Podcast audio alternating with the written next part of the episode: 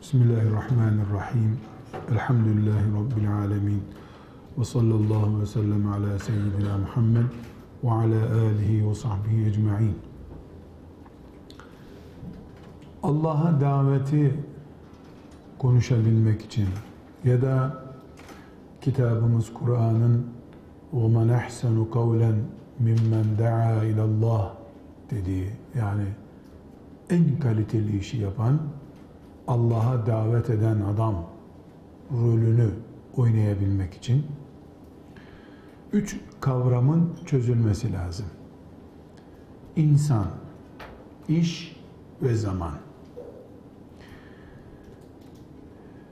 Onlarca sene medreselerde, fakültelerde ders görüp insan çok ilimler öğrenebilir. Kütüphaneler doldurabilir. Ama bu mesleğin sırrı yani Allah'a davet etmenin sırrı insanı tanımak, işin mahiyetini bilmek, önündeki zaman fırsatını değerlendirebilmektir. İnsanın inceliklerini, sırlarını, yaratılış tarzını, çağdaş deyimle psikolojisini, insan psikolojisini, belli oranda anatomisini, yani şu bedensel yapısını bilmeden ve işin ne olduğunu, kim için hangi işin yapıldığını, Allah'a davet, insanlara yaratılışlarını anlatma, bu inceliği, sırrı çözememek ve kullanma süresini bilememek, zamanı tayin edememek başarısızlıktır. Başarısızlığı da baştan kabul etmektir. Arkadaşlar şöyle düşününüz hiç hoşlanmadığım halde ve elhamdülillah beceremediğim halde, elhamdülillah beceremediğim halde futboldan örnek vermek istiyorum. Bilmiyorum, beceremiyorum ama hayatın içinden bir örnek olarak iyi anlaşılır düşünüyorum. Bir futbolcu düşünün, futbol kurallarını bilmiyor. Sadece önüne gelen şeye çarpacaksın diye bir şeyden anlıyor. Kaç dakika maç olacağını da bilmiyor. İşte yorulunca bırakarız düşünüyor ve sahaya çıkıyor. Böyle bir futbolcunun, böyle bir takımın futbol açısından bir başarı elde etmesi ne kadar mümkündür? Sahayı tanıman, kuralları bilmen ve kaç dakika oyun oynanacağını bilmen gerekiyor. 90 dakikaya ayarlanmış bir maçı 9 gün oynanacak gibi oynayamazsın. Bu maç 90 dakikalıktır. 9 gün oynanacak gibi, 9 hafta devam edecek gibi çıkarsan sen mağlubiyeti en başta kabul ettin demektir. Allah'a davet eden davetçi bu üç sırrı çözerek oyuna başlamalı. İnsan işin niteliği, Allah'a davet işinin niteliği ve önündeki zaman fırsatı. Futbol maçı 90 dakikalıktır. Profesyonel bir futbol maçı. Davetçi 9 saniyeyi bile uzun fırsat kabul. Bir kelime ne kadar da söylenebiliyorsa mesela namaz kılmak kıl deyimi Allah'tan korkmak kork emri ne kadar da söyleyebiliyor? 3 saniyede. Davetçinin oyunu 3 saniyeliktir demek. İşimiz 3 saniyede etkilenen veya 3 saniyede sapıtabilen bir insanı kurtarma işidir. Bu süreci bu şekilde değerlendiremeyen hoca olabilir. Çok bilinçli ve dikkatli kullanarak söylüyorum. Büyük alim de olabilir. Hatta alim kelimesinden daha ileriyi gösteren bir kavram olarak müçtehit de olabilir. Davetçi başka biridir. Bunun için kardeşler, büyük bir müçtehit, ne demek müçtehit? Kur'an'ı, Resulullah sallallahu aleyhi ve sellemi anlayabilen, Allah'ın şeriatının sırlarını çözmüş bir insan demek. Onun Kur'an böyle diyor sözüne bağlanan bir Müslümanın cennete girmesi büyük ihtimal olan insan demek. Yani Allah'tan, peygamberinden aleyhissalatü vesselam ve ashab-ı kiramdan sonraki ümmetin büyüğü demek. Çok bilinçli ve dikkatli konuşuyorum. Müçtehit olabilir bir insan. Kur'an'ın sırlarına vakıf olabilir. Bir ayetten binlerce kural üretebilir. Ama bu insan alkolik birisinin alkolü bırakması için senelerce uğraştığı halde başarısız bir hoca da olabilir.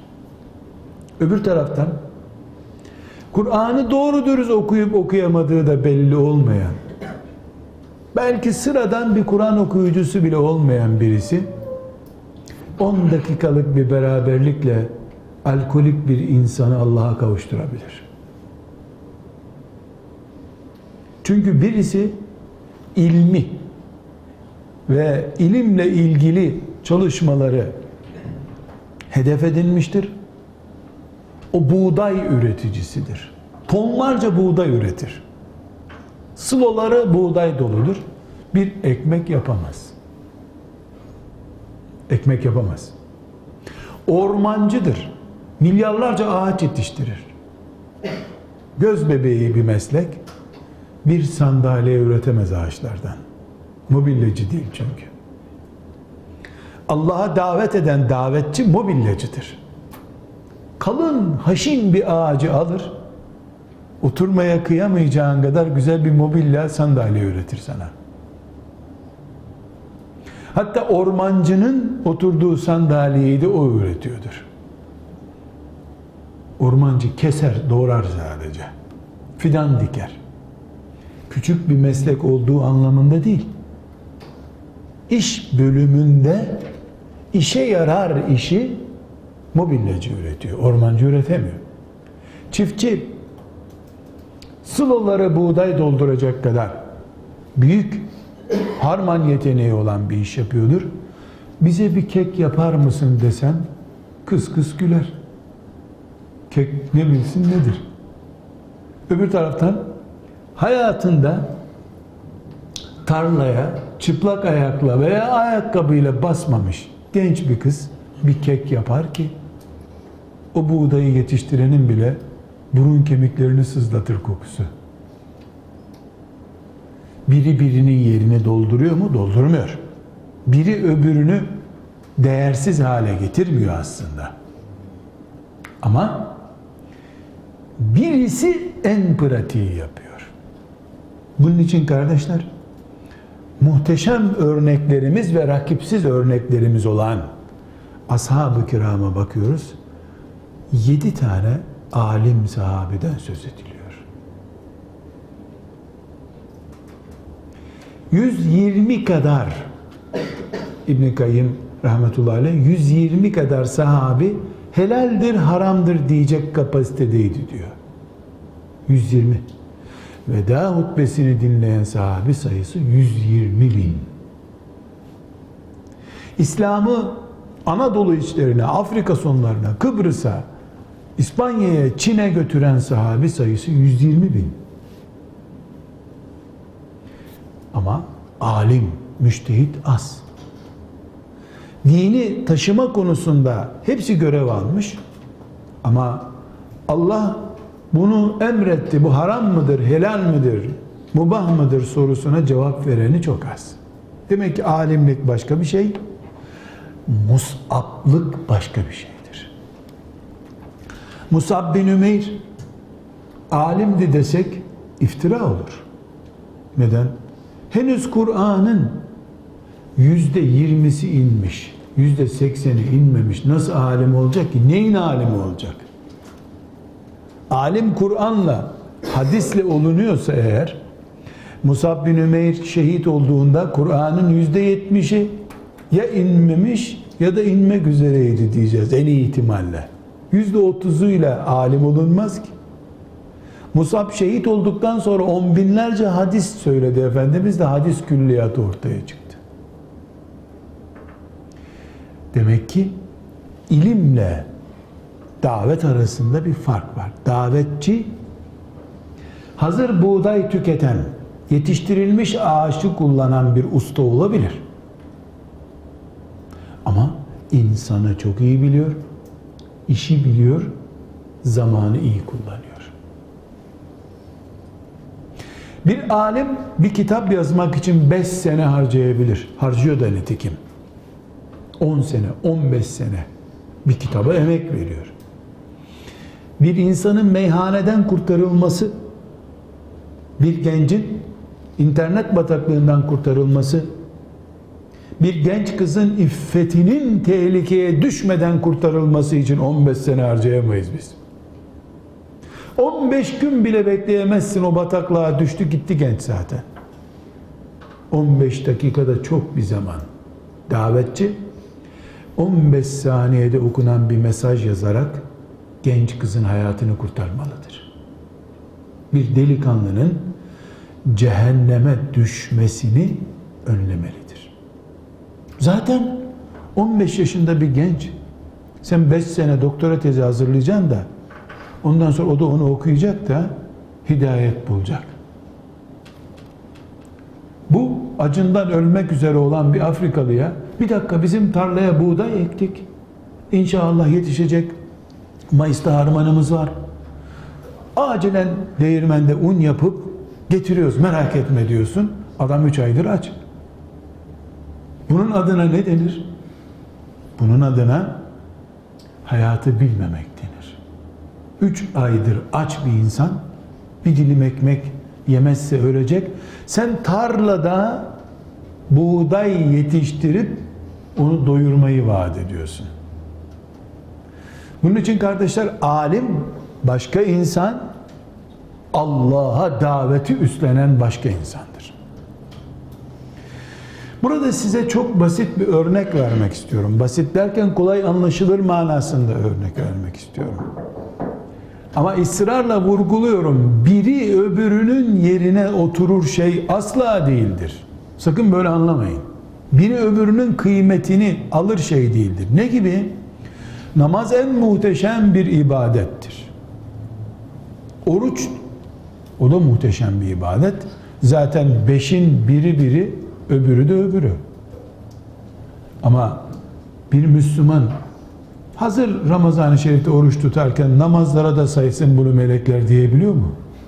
Biri öbürünün yerine oturmuyor. Göz organı burun organının yerini tutuyor mu? Biri biri değildir hiçbir zaman. Her biri yerinde bir tanedir. Allah'a davetçi ile alim, müştehit, yazar, mütefekkir bunlar farklı insanlar. Farklı görevlerin insanları. Tıpkı göz doktorunun mide ameliyatı ile ilgilenmediği gibi. Mide tedavisi yapan bir doktorun da gözü ağıran birisine göz damlası vermediği gibi. Uzmanlık alanları bunlar.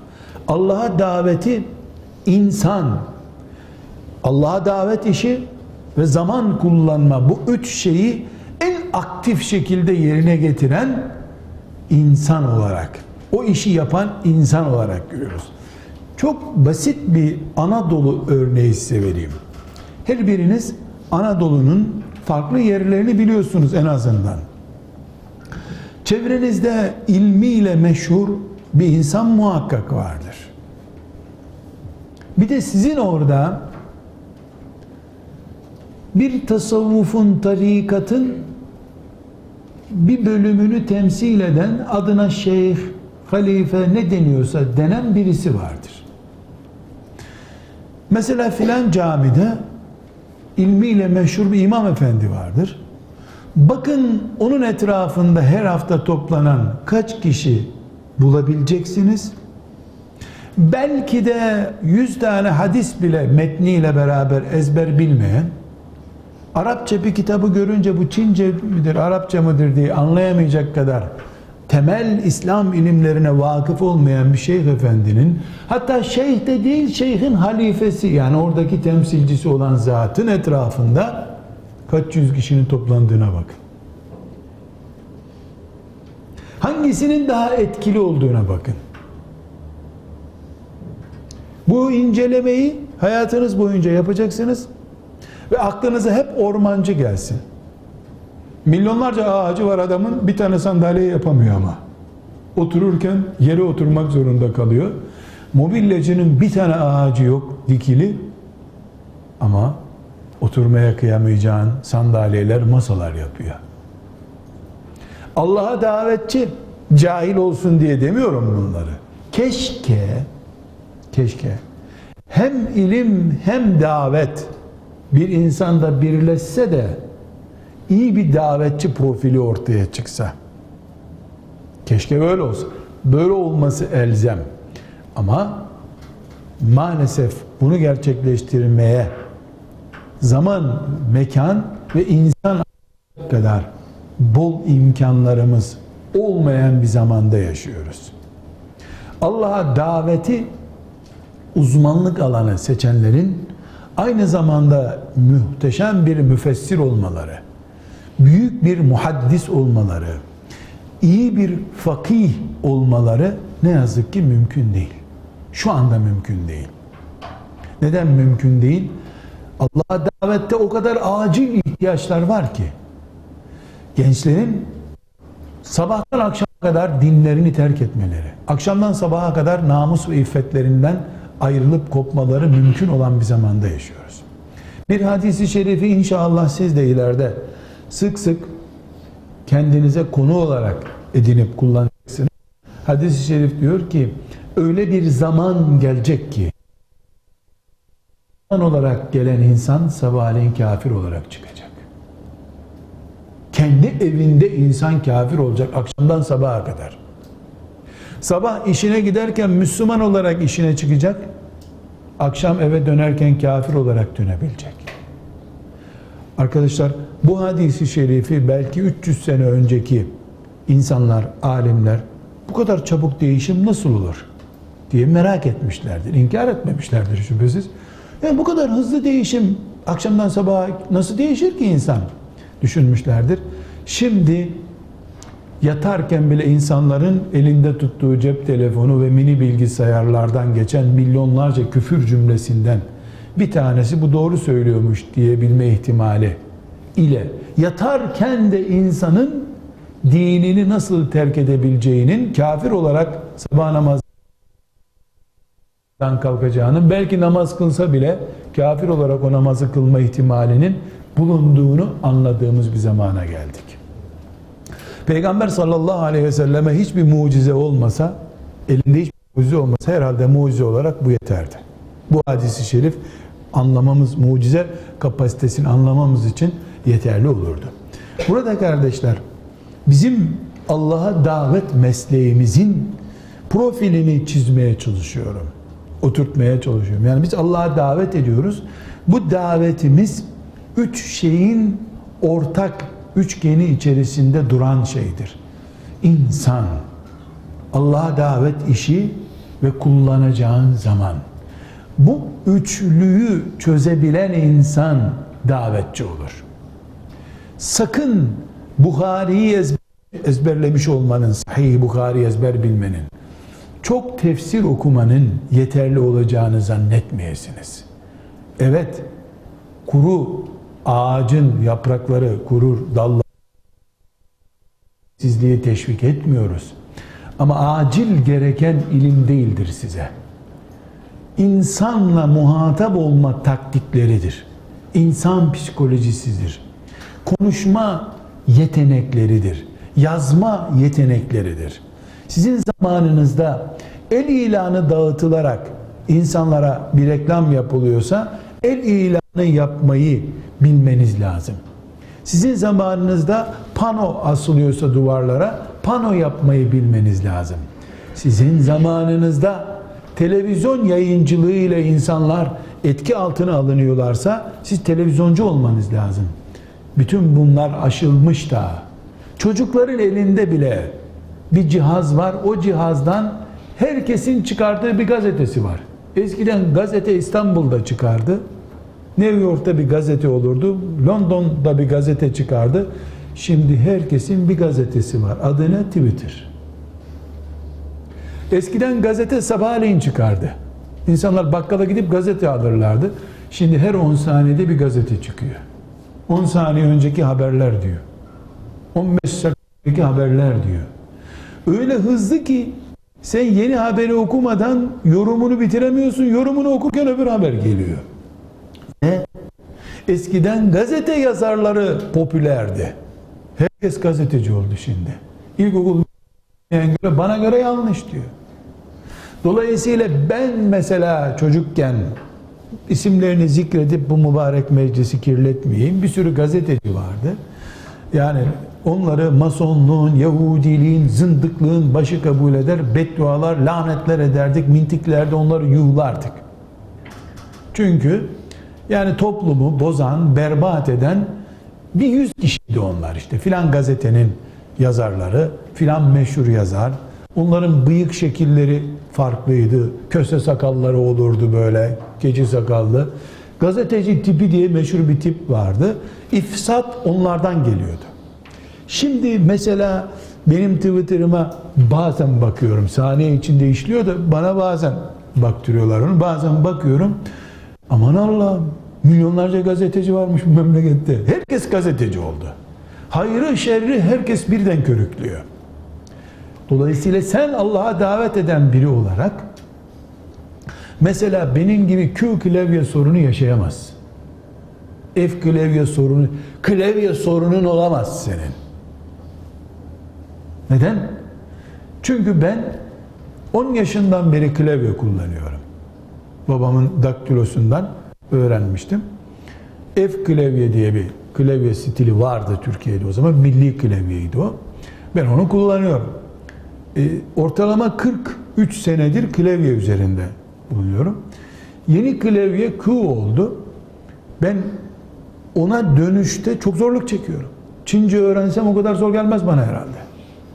Şimdi 40 sene bir şeyi alışınca 41. senede artık ben yani zorlanmaya başladım. Baktım olacak gibi değil. Kendi klavyemde böyle köyüne köylüler gibi kaldım ben şimdi. Ama sen bu klavye sorununu yaşa Allah'a davete topallaşlarsın. Çünkü neden? Beyefendi akşam eve çekilecek de 3-4 mesaj yazmak için e, saatlerce vuracak, bekleyecek doğru mu doğru. Tık vuracak doğru mu doğru. O arada 70 olay çıkacak piyasaya. Sen hala birinci olayın yorumunu yazıyorsun. Yani çocukların da sen hala klavye tercihi yapamamışsın. İş ve zaman noktasında sıkıntın var. Allah'a davetçi ilimden önce yaşadığı çağın getirdiği savaş sistemi tanıması lazım. O sisteme kul köle olmadan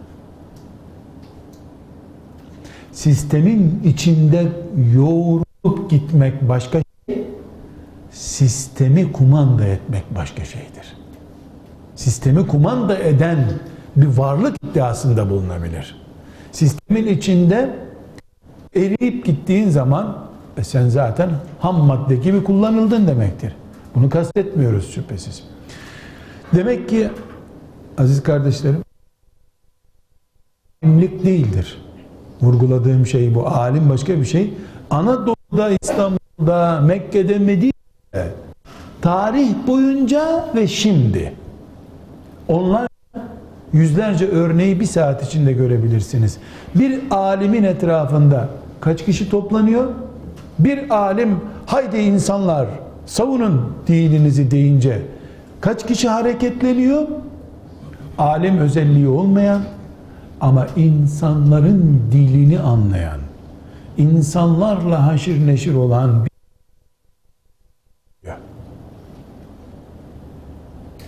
Biz burada meslek olarak Allah'a daveti seçtik. Dolayısıyla sizin çok iyi usulü fıkıh bilmeniz gerekmiyor. Hafız olmanız da gerekmiyor. Bilemediğiniz 100 ayettir ömrünüzün sonuna kadar kullanacağınız ayet sayısı. Allah'a davetle ilgili. 100 ayet sizi Hasan Basri yapar. 100 ayetle siz orduları hareketlendiren Akşemseddin olursunuz. Çünkü Akşemseddin'de Sultan Fatih'in sağında solunda dolaştığı zamanında, dolaşmadığı zamanları da var çünkü daha sonra e, başka bölüme geçtim. Sultan Fatih damıyordu. Bilemedi. Onlara cihat ruhunu aşılayacak beş ayet bildin mi? Okuma zamanını ve taktiğini de çözdün mü? Sen davetçisin, ordular yönetirsin, peşinden nesiller gelir senin. Çünkü insanlar, insanlar Kur'an'ı baştan sona dinleyerek hareketlenmezler, daha fazla uyuklarlar. Cenneti ve şehadeti anlatan tek ayet cepheye sürer adamı. Çünkü ashab-ı kiram cepheden cepheye koştuklarında Kur'an'ın tamamını bilmiyorlardı. Cennet ve şehadetle ilgili tek ayet biliyorlardı. O tek ayette onları şehadete kadar, Allah'a kadar koşturdu. Defalarca vurguladığım şey bizim mesleğimiz. Yani siz ve ben şu anda Allah'a davet için bir arada bulunuyoruz. Bir programda bulunuyoruz. Davetçi olmak istiyoruz. Mus'ab bin Umeyr radıyallahu anh'ın izinden gitmek istiyoruz. Musab bin Ümeyr olmak istiyoruz. En azından onu taklit ettiğimizi Allah'ın görmesini istiyoruz. Beceririz, beceremeyiz ayrı bir şey. Becermek bizim elimizde değil zaten. Onu Allah lütfedecek. Ama Musab bin Ümeyr olmak istiyoruz. Bir dinle beni diyelim. 20 yaşında bir üniversiteli genç bizi dinlesin. Sonra da kalbi ürperip göz kapakçıkları kapanıp benim elimden tut beni bir namaza götürsene desin. Bunu istiyoruz. 21 yaşında bir gence Allah'ı hatırlatalım. Şeriatını hatırlatalım. Cehennem hatırlatması yapalım. Sonra desin ki peki ben tövbe etmek için ne yapayım desin. Tarif edelim. O gün ona veda etsin. Biz de Musab bin Ümeyr olmuş olalım. Sonra bunlardan 10 kişi 15 kişi toplayalım. Resulullah'a götürelim. Mini bir ordu kurdum ya Resulullah senin için diyelim.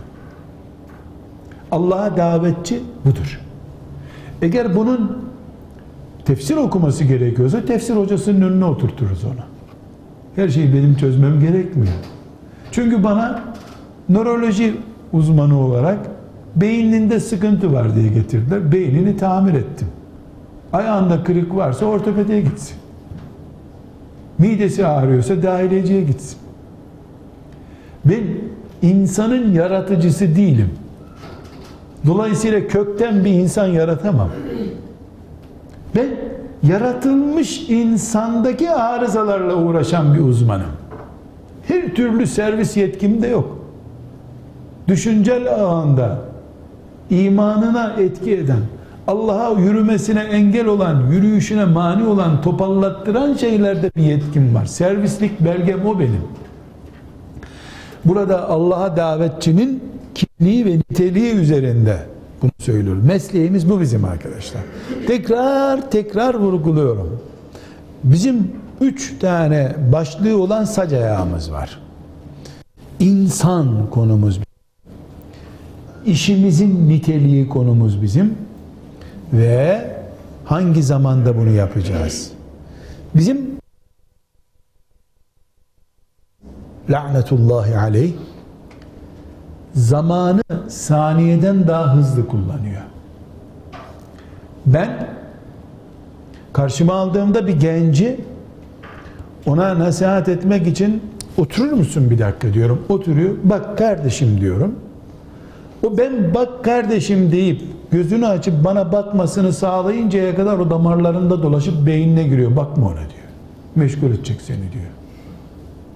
Ben bana bak diyene kadar milyon kere bakma diyor çünkü o damarlarda da dolaşıyor. Ben organa hitap ediyorum, o hücrelere hitap ediyor.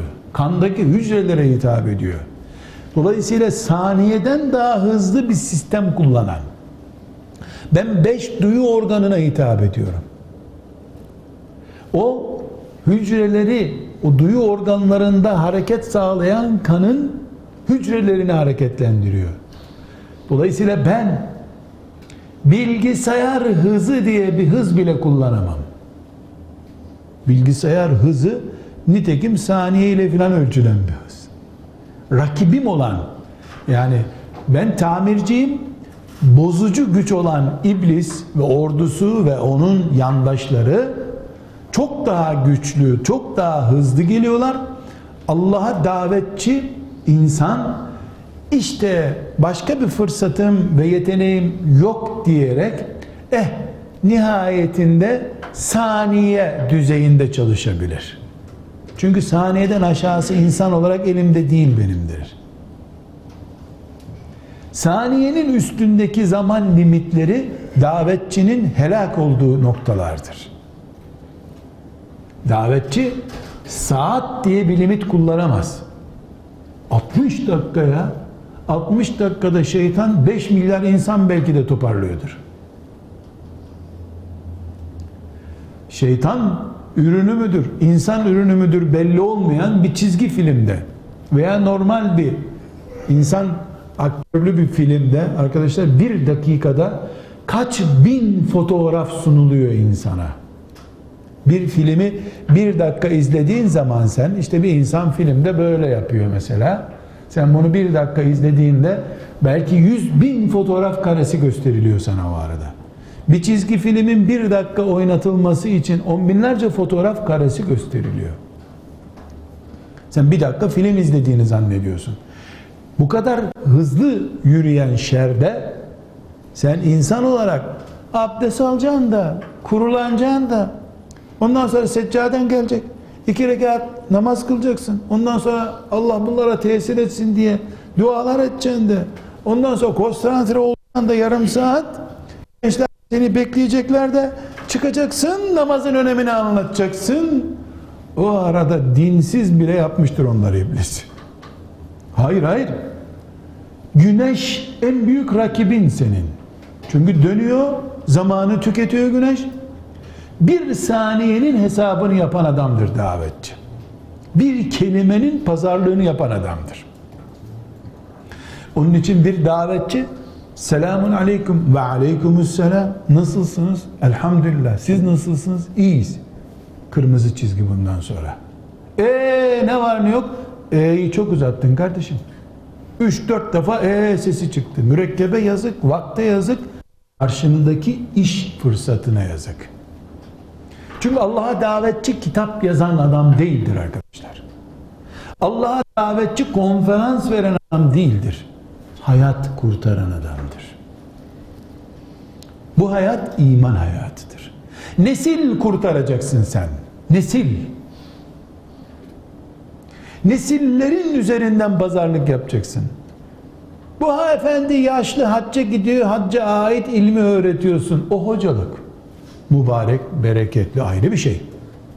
Ama nesil kurtarmak.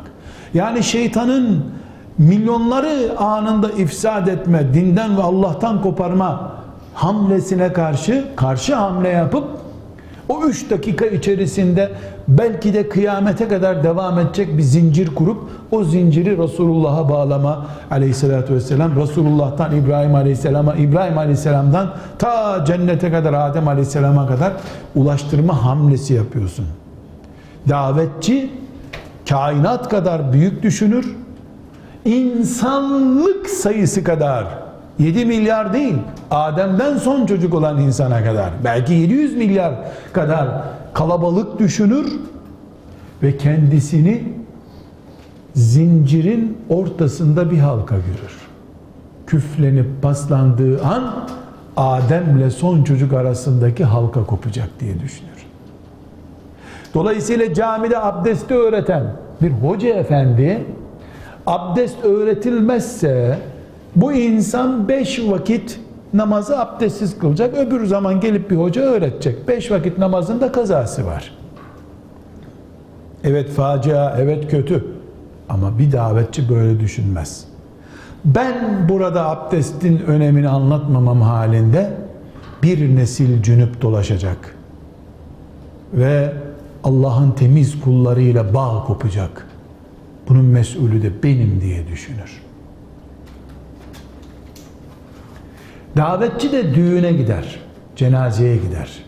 Ama iş için gider. Cenazede de kendine iş üretir. Çünkü her yerde aktiftir o. Cami imamı ezan okununca devreye giren bir görevin sahibi. Bu asırdaki mantaliteye göre söylüyorum. Aslında Allah'a davetin en öndeki görevlileri cami imamları olması lazım. Ne yazık ki en arkadaki noktaya düştükleri zamanlar bile olmuştur. Ama bizi ilgilendirmiyor. Biz aksattığımız her dakikanın bir neslin helaki olabileceğini düşünen mantığın insanlar olmalıyız. Bu yüzden zaten Allah وَمَنْ أَحْسَنُ قَوْلًا مِمَّنْ دَعَا إِلَى اللّٰهِ دَعَا إِلَى اللّٰهِ Allah'a çağırandan daha güzel sözlü kim olabilir? Bunun için söylüyor Allah. Bunun için Allah'a çağıran imamdan da alimden de güçlüdür. Bunun için Ebu Bekir'den önce İslam'ın devletini kurmak Musab bin Ümeyr'e nasip oldu. Mus'ab'ın kurduğu devlete geldi Ebu Bekir halife oldu. Allah hepsinden razı olsun. Bunun için İslam ve devlet, hicret, Medine deyince neredeyse böyle çok e, ezilmiş bir cümle olarak söylüyorum. Neredeyse peygamberden önce bile Musab akla gelecek sallallahu aleyhi ve sellem. El hak öyle değil şüphesiz de neredeyse hiç unutmuyorum e, hicret ve muhacir ve Musab diye bir ders vermiştim. Bursa'nın bir ilçesinde. Orada Musab bin Ümeyr'in bir seneden az bir zamanda Yesrib'i Resulullah'ın devlet merkezi haline getirmesini anlatmıştım. Tabi Musab akla gelince duygusallık da beraberinde geliyor. Böyle 50 dakikalık çok kısa bir dersti. Dersin çıkışında birisi kolumdan bir şekilde tuttu böyle. Bir dakika dedi kenara gelir misiniz dedi. Buyurun dedim. Ben İmam Hatip Lisesi'nde meslek dersleri öğretmeniyim dedim. Güzel dedi. Allah mübarek etsin. Dedi ki hocam dedi sizi tövbeye ve imana davet ediyorum dedi. Allah razı olsun dedim ama niye dedim. Bir kelime daha konuşsan Mus'ab peygamber Muhammed de ümmetinden birisi olacaktı az kalsın dedi. Çok abarttın dedi. Beni de Musab düşmanı yaptın dedi. Üstad dedim bir kenarda konuşalım dedi. Ben seni imana davet ettim. Ne yaparsan yap dedi gitti. Cevabımı kabul etmedi. Çok rahatsız oldum. O toplantıyı organize eden arkadaşlarla dedim bir beş dakika oturabilir miyiz dedim. Ee, yani şok geçirdim. Kendi arabamla gitmiştim. Araba kullanamayacak kadar böyle bir üzüldüm. Yani aklıma geldi ki derste kayıt altına alınmamıştı. Ağzından cümleler kaçtı herhalde. Yani çok tehlikeli. Ee, yine İmam Hatip Lisesi'nde öğretmen olan bir arkadaş daha vardı. O, o toplantıyı organize edenler bir toplantı yaptık orada hemen o akşam. Dedim arkadaşlar bir arkadaş bana böyle böyle dedi. Hocam biliyoruz o arkadaşı. Dedim o arkadaş kasıtlı mı dedim. Yok hocam çok samimi Müslüman dediler. İyi bir öğretmendir dediler. Bana böyle dedi dedim. Onlar da şok geçirdiler. Dedim şu toplantıda arkadaşlar not alanınız var mı dedim. Bir tanesi dedi ki ben not aldım dedi sözlerinizi. Bir bakar mısın dedim. Mübalağalı, abartılı bir söz var mı dedim. Dediler o arkadaşı çağıralım dediler. Neyse telefon ettiler. Gelmem oraya demiş. Çok etkileyici o beni de inandıracak onlara demiş. Gelmem demiş. O zaman dedim ki bana telefonu verir misiniz dedim. Telefonuma da çıkmadı. Dedim arkadaşım çok kötü bir şey söyledin sen. Benim hayatımı zehir ettin. Ben ne yaptım yani ne diyorsun? Ya ben size cevap veremiyorum dedi. Sen beni etki altına bırakarsın dedi. Neyse o arkadaşlarla tekrar iki saate yakın bir mütalaa yaptık. Değerlendirdik. Elhamdülillah batıl bir şey söylemediğime inandım. Ama neticede şu Musab bin Ümeyr'in radıyallahu anh 8 ay veya 9 ay tam rakam elimizde yok ama bir seneden az bir zamanda müşrik bir topluma Allah'a davet konusunda yaptığı aşının etkisini mesela orada şöyle bir cümle kullanmışım. Resulullah sallallahu aleyhi ve sellemin 12 senede bisetinden itibaren 12 senede oluşturamadığı şeyi 8 ayda Allah Musab'a oluşturtturdu cümlesinde peygamber başarısız demek istedin diyor. Ya Allah bir defa Musab'ı peygamberine yetiştirdi. Musab'ı o hale getiren kim zaten? Musab onun bir talebesi. Talebesi gidiyor başarılı bir şekilde hocasının nasihatlerinden öğrettiği 5-10 sure var. E mesela ilk cumayı Musab kılıyor. Peygamber aleyhisselamdan önce kılıyor cumayı. Yani ilk şehirde cuma namazı uygulaması da Musab'a nasip olmuş. E bu yani Musab'ın bir üstünlüğü değil ama Musab da sıradan bir adam değil. Bir de buna Musab'ın işte tenezzülsüzlüğü, dünyaya tenezzül etme işi, cennetten başka bir şeye razı olma işi, hunharca şehit edilişi, e bu da ilave edilince gerçekten şöyle göz yaşartan güzel bir sahne ve iyi bir örnek e, karşımıza çıkıyor. Bu hatıramı hiç unutamıyorum. 10 seneden fazla bir zaman oldu. Çok e, etkilendim o hoca arkadaşın tepkisinden. 3-4 sene sonra o hoca ile tekrar bir yerde buluştuk. E, beni hatırladınız mı dedi. Yok dedim. Dedi filan yerde ben sana şöyle demiştim dedi. Kinin geçti mi dedim. Ya dedi geçti ama çok kötü oldu. Ben bu sefer Musa bayrağına oldum dedi. O zaman da dedi ölçüsüzdü tepkim kusura bakmayın dedi. Estağfurullah dedim kucaklaştık. Yani aslında o benim sözlerimden en çok etkilenen o olmuş da etkilenişini bu şekilde dile getirmiş. Allah razı olsun. O kardeşimizle sonra muhabbetimiz oldu. Hala görüşüyoruz. Her halükarda kardeşler yani Allah'a davetçi yeri gelir Ebu Bekir radıyallahu anh'tan daha iyi iş yapar.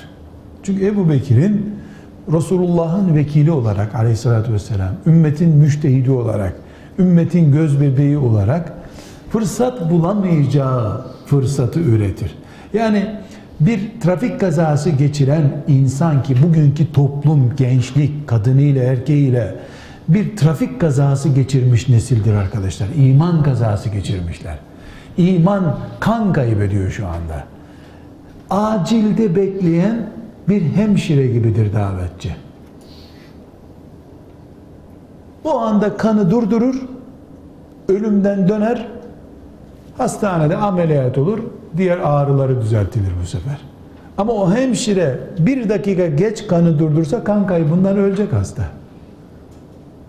Bunun için bizim Allah'a davet taktikleri üzerinde çalışmamız, Allah'a davetin muasır sistemi üzerinde çalışmamız ve öğrendiğimiz taktiklere kendimizi kurban etmeden malzeme olarak kullanmamız. Yani kan kaybını önleyeceğim derken hastanın mikrobunu kaparsa hemşire kendisi ölür zaten. Bu da önemli bir sorun. Bunların üzerinde de duracağız. Bizim mesleğimiz budur. Acil kan kaybını önleriz, heyecana getiririz, Kur'an'ımızın önemini anlatırız.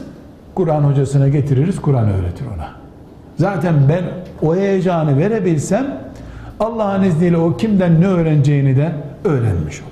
Ben caminin yolunu gösteririm, imam namaz kıldırır. Ben cehennemden ürkütürüm, nasıl korunacağını başka birisi öğret. Keşke öğreten de ben olabilsem ama ona fırsat olmayan bir zamanda yaşıyoruz. Evet, Allah'a davet eden insan, insanı davet işini ve kullanacağı zamanı profesyonel bir şekilde bilen, bu konuda uzmanlaşmış insandır. Bunun ayrıntılarına inşallah ileriki derslerde gireceğiz. Ve sallallahu ve sellem ala seyyidina Muhammed ve ala alihi ve sahbihi ecma'in velhamdülillahi rabbil alemin.